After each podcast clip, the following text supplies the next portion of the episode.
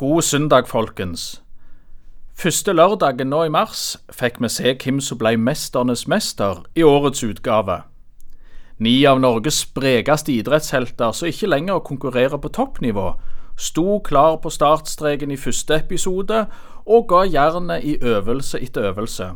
I siste og åttende episode sto altså tre karer igjen til slutt og kjempa om seieren. Supersterke Øystein Pettersen og Nils Jakob Hoff var favoritter, men den tapre Bjørn Einar Romøren, ennå prega av hard kreftbehandling, han var outsider og favoritt, i alle fall hvis sympati kunne ha påvirka det hele.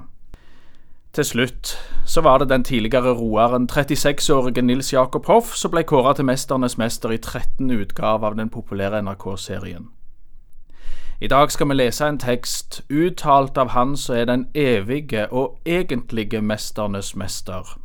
Det kan høres ut som han snakker med utestemme, bruker harde ord, men der ligger både invitasjon, omsorg og kjærlighet bak det Jesus sier til oss i dag. Jesu kjærlighet er mer enn utstråling. Den kan berøre deg mye, mye mer enn møtet med sympatiske idrettshelter kan, de kan gi oss opplevelser og gode øyeblikk, men Jesus kan lede oss til omvendelse, nytt liv og evig glede. Vi leser teksten fra Lukas 13 og fra vers 22. På reisen til Jerusalem dro Jesus fra by til by og fra landsby til landsby og underviste. Da var det en som spurte, Herre, er det få som blir frelst? Han sa til dem, Kjemp for å komme inn gjennom den trange døren, for jeg sier dere, mange skal forsøke å komme inn, men ikke klare det. Når husherren først har reist seg og lukket døren, og dere blir stående utenfor og banker på og sier, Herre, lukk opp for oss, da skal han svare, Jeg vet ikke hvor dere er fra.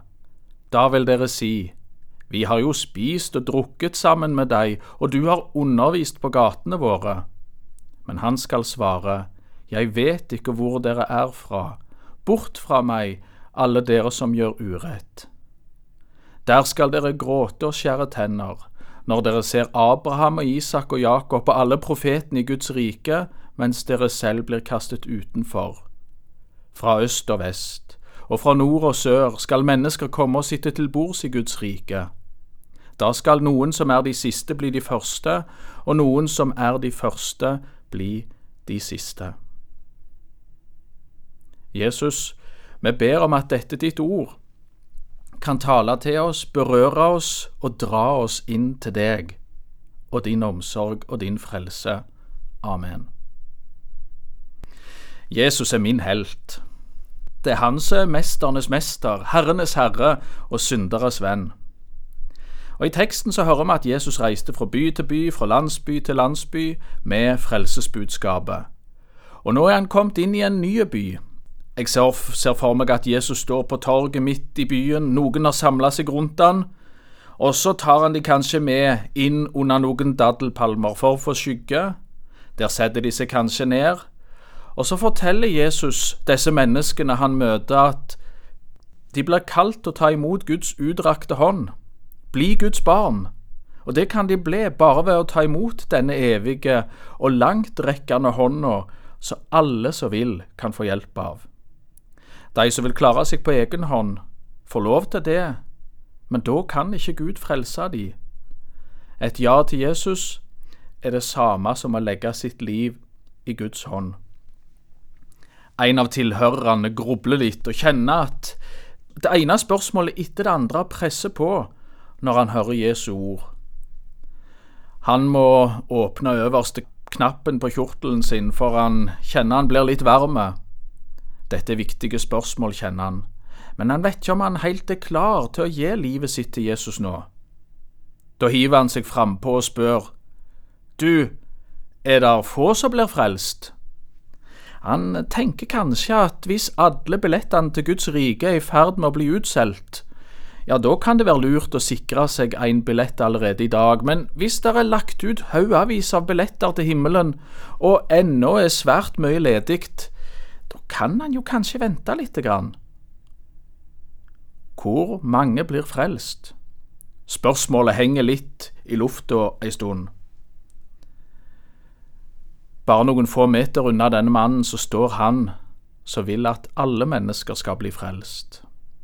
Andre plasser i Bibelen så ser vi at Jesus griner og kjenner seg kraftig berørt av alle de som ikke vil komme til han, alle de som ikke vil ta imot hans frelse og hans kjærlighet. En gang så han på et utkiktspunkt og så utover Jerusalem by. Han grein sårt, for det var så mange i den byen som avviste han. Jesus elsker alle verdens mennesker så høyt at han snart skulle gi livet sitt til redning for oss, snart etter denne hendelsen vi har lest som teksten vår i dag beskriver. Men mange har avvist han både da og seinere og i dag, og hver gang så griner Jesus over de som vender seg bort ifra hans invitasjon.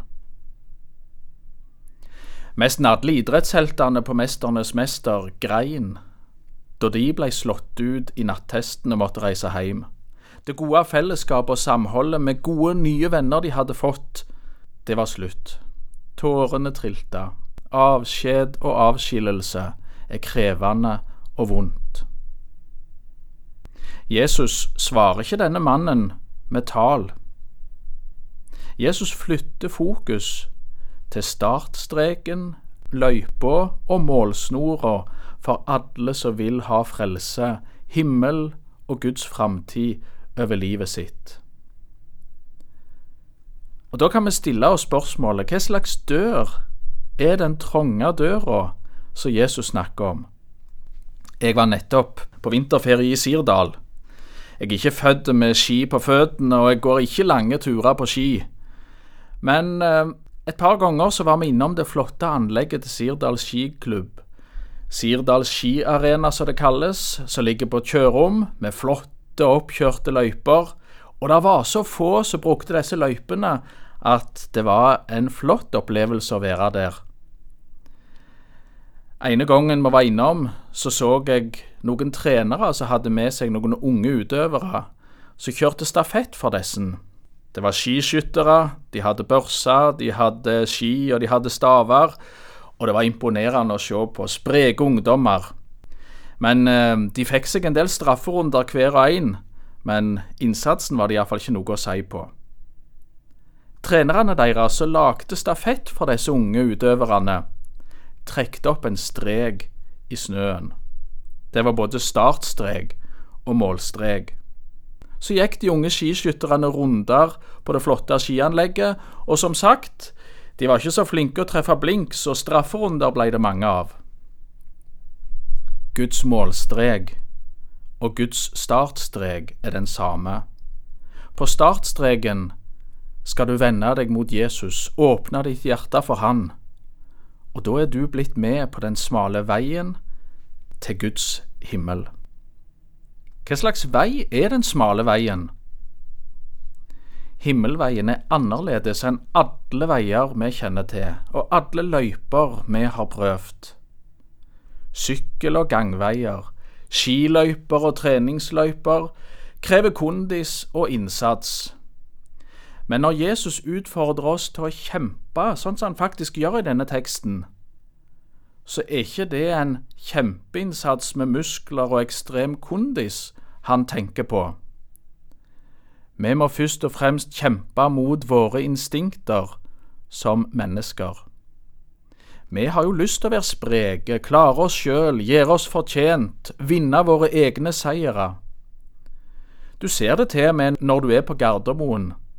Du ser de lange rullebåndene som kan gi deg framdrift uten at du trenger å ta et eneste skritt. Du kan bare hvile deg fram gjennom. Eller når det gjelder rulletrappa eller heisen, som finnes overalt både på flyplasser og i mange andre bygg. Noen tar konsekvent sine egne føtter fatt og går utenom rullebåndet, de velger bort rulletrappa og heisen og går heller steg for steg og får enda mer kondis, eller får bevise for andre hvor god kondis de har. Jesus inviterer oss på en vei, mot ei dør, mot en målstrek og til en startstrek. Og Så forteller Jesus noe i Hebreabrevet 10,20, at han har åpna en ny og levende vei for oss. Og hvis vi skal sammenligne med sånne veier som vi har kjennskap til i vår hverdag, så er det nettopp sånne rullebånd eller rulletrapp eller heis som hjelper oss til å forflytte oss fra en plass til en annen, uten at vi trenger bruke energi sjøl. Det er noe som kan hjelpe oss til å forstå hva slags vei Jesus har åpna. Og i Johannes 6 ser vi at Jesus kaller seg sjøl for veien. Han er veien, og han har åpna den nye og levende veien. Altså, han gir av seg sjøl, han inviterer til seg sjøl, og han er sjølve veien. Kan du se for deg at det virkelig er sant dette, at du som sto på startstreken en gang og ga livet ditt til Jesus, du har nå stått på rullebåndet ved siden av Jesus siden den gang, og skal få lov å stå der helt fram til du en dag møter målstreken. Og så er faktisk både målstreken, veien og startstreken det er Jesus. Det er Jesus det handler om. Finnes der blindveier? Ja, der finnes blindveier, og du kan gå feil vei. I løypa i Sirdal så sto der mange ganger 'feil vei, snu'. Og det gjør der i Bibelen òg mange ganger. Det er lett å komme på avveier, men Bibelen vil gi god veiledning. Hvis du begynner ei reise der du ikke starter hos Jesus, og der du ikke kjenner at du trenger Jesus ved de sida gjennom livet, da er du på en blind vei. Den fører ikke fram til himmelen, den fører ikke til målet. Du når ikke fram. Det kan godt være at du møter opp i kristne fellesskap, kjenner gleden og samholdet og vennskapet, ja, ja, bare fortsett med det, og gled deg hvis du trives i et kristent fellesskap. Men kom for all del bort til startstreken, bort til Jesus. Gi livet ditt til Han. Han står klar med et stort smil og vil ta imot deg. Han er klar til å følge deg gjennom livet, hele livet ditt på den smale veien. Og årsaken til at Bibelen kaller denne veien for smal, er at Bibelen er klar og tydelig på at det er bare Jesus som kan være startstrek, som kan være vei, og som kan være målstrek hvis du vil komme til himmelen en dag. Det er bare frelse i Jesu navn, sier Bibelen. Noen syns Bibelen er smal, men det innrømmer Bibelen sjøl. Men husk at Jesus understreker så mange ganger i Bibelen at selv om døra er smal, porten er trang, ja, så er den åpen. Den er åpen Kommer du til Jesus og gir livet ditt til Han, så kan du få komme inn. Og Vi skal lese noe som Jesus en gang sendte som en hilsen til en menighet i Tyrkia gjennom apostelen Johannes. Og hør denne nydelige hilsingen fra Mesternes mester til deg akkurat nå i dag. Jeg vet om dine gjerninger. Se, jeg har satt foran deg en åpnet dør som ingen kan stenge, for du har liten kraft, og du har holdt fast ved mitt ord og ikke fornektet mitt navn. Mesternes mester, Jesus, han kjenner alle som har vært hos han på startstreken. Du er kjent av han. Han vet alt om deg. Han kjenner navnet ditt, han vet hvor mange hårstrå du har på hodet, han kjenner dagsformen din, forstår alle dine følelser, Ingen er tettere ved de sida enn han som inviterte deg til å starte resten av livet sitt sammen med han en dag. Og Hvis ikke du har begynt dette livet i lag med han, så står han klar på startstreken og venter på deg i dag. Du kan få begynne i dag. I bønn si Jesus, nå vil jeg starte livet mitt i sammen med deg. Han som står der på startstreken, han kaller alle de som har kommet til han. Han kaller seg for den gode hyrde for alle de som har kommet til han. Og har du vært på startstreken hos han, ja, så kjenner han deg. Han har skanna deg. Han vet mer om deg enn blodprøven en dopingkontrollør tar for å avsløre eh, mulig doping hos idrettsutøvere. Jesus vet mye mer om deg enn en blodprøve eller en test eller en skanning i et røntgenapparat kan, kan avsløre. Jesus har skapt deg, han kjenner deg, han elsker deg, og han elsker deg med en evig kjærlighet. La han få lov å elske deg. I teksten så sier Jesus at noen skal få høre ifra han den tunge og vanskelige og smertefulle beskjeden. Jeg vet ikke hvor dere er ifra. Dere får ikke komme inn. Det har aldri vært flere som tror på Jesus samtidig enn akkurat i vår tid. I Norge vender altfor mange seg bort ifra Han, men samla sett så kommer det mange, spesielt fra fattige land, og ganske sikkert i disse dager ifra Ukraina og andre krigssoner. De kommer til Jesus, til startstreken, legger sitt liv i Jesu hender og begynner en vandring i sammen med Han der han får være den trygge hyrden som kjenner sine, som vokter sine, som leder oss på sin vei, og så holder oss fast inntil han har oss hjemme i sin himmel. Heldigvis, muligheten er like stor for oss i nord i dag. Derfor sa Jesus i denne teksten, der skal komme mennesker fra nord, fra sør, fra øst og vest og bryte himmelens målstrek, sette seg til bords, for være med i den evige festen, i den evige gleden. Gå inn gjennom den trange dør sammen med Jesus en dag. Det er framtida for oss. Kanskje du oppsøkte målstreken. Kanskje du ville begynne livet i sammen med Jesus, og gjennom livet ditt så har du ønska å være hos Han men akkurat nå er du mest preget av usikkerhet. Du vet det har skjedd så mye urett, du har gjort ting i livet ditt så du vet Jesus ba deg om å ikke gjøre, så er et kall til oss kristne om å ikke gjøre, eller ting han har bedt oss om å gjøre, som vi unnlater å gjøre. Tror du han sender deg ut i strafferunde? Tror du han diskvalifiserer deg og utestenger deg? Er du redd du ikke kommer deg gjennom nattesten? Hvor kommer de fra, de som går inn gjennom den trange døra? Jo, de kommer fra et, et flott rike her på jord, som ikke har grenser i form av grensestolper og viser på noen kart, men ifra Guds himmel er det tydelig og synlig. For det er et folk som kommer ifra syndsforlatelsens rike. Det kan på noen måter ligne litt på bakvendtland, for det er så annerledes. Vi sang jo mye om bakvendtland når vi var små, og lærte den flotte visa til, til Torbjørn Egner.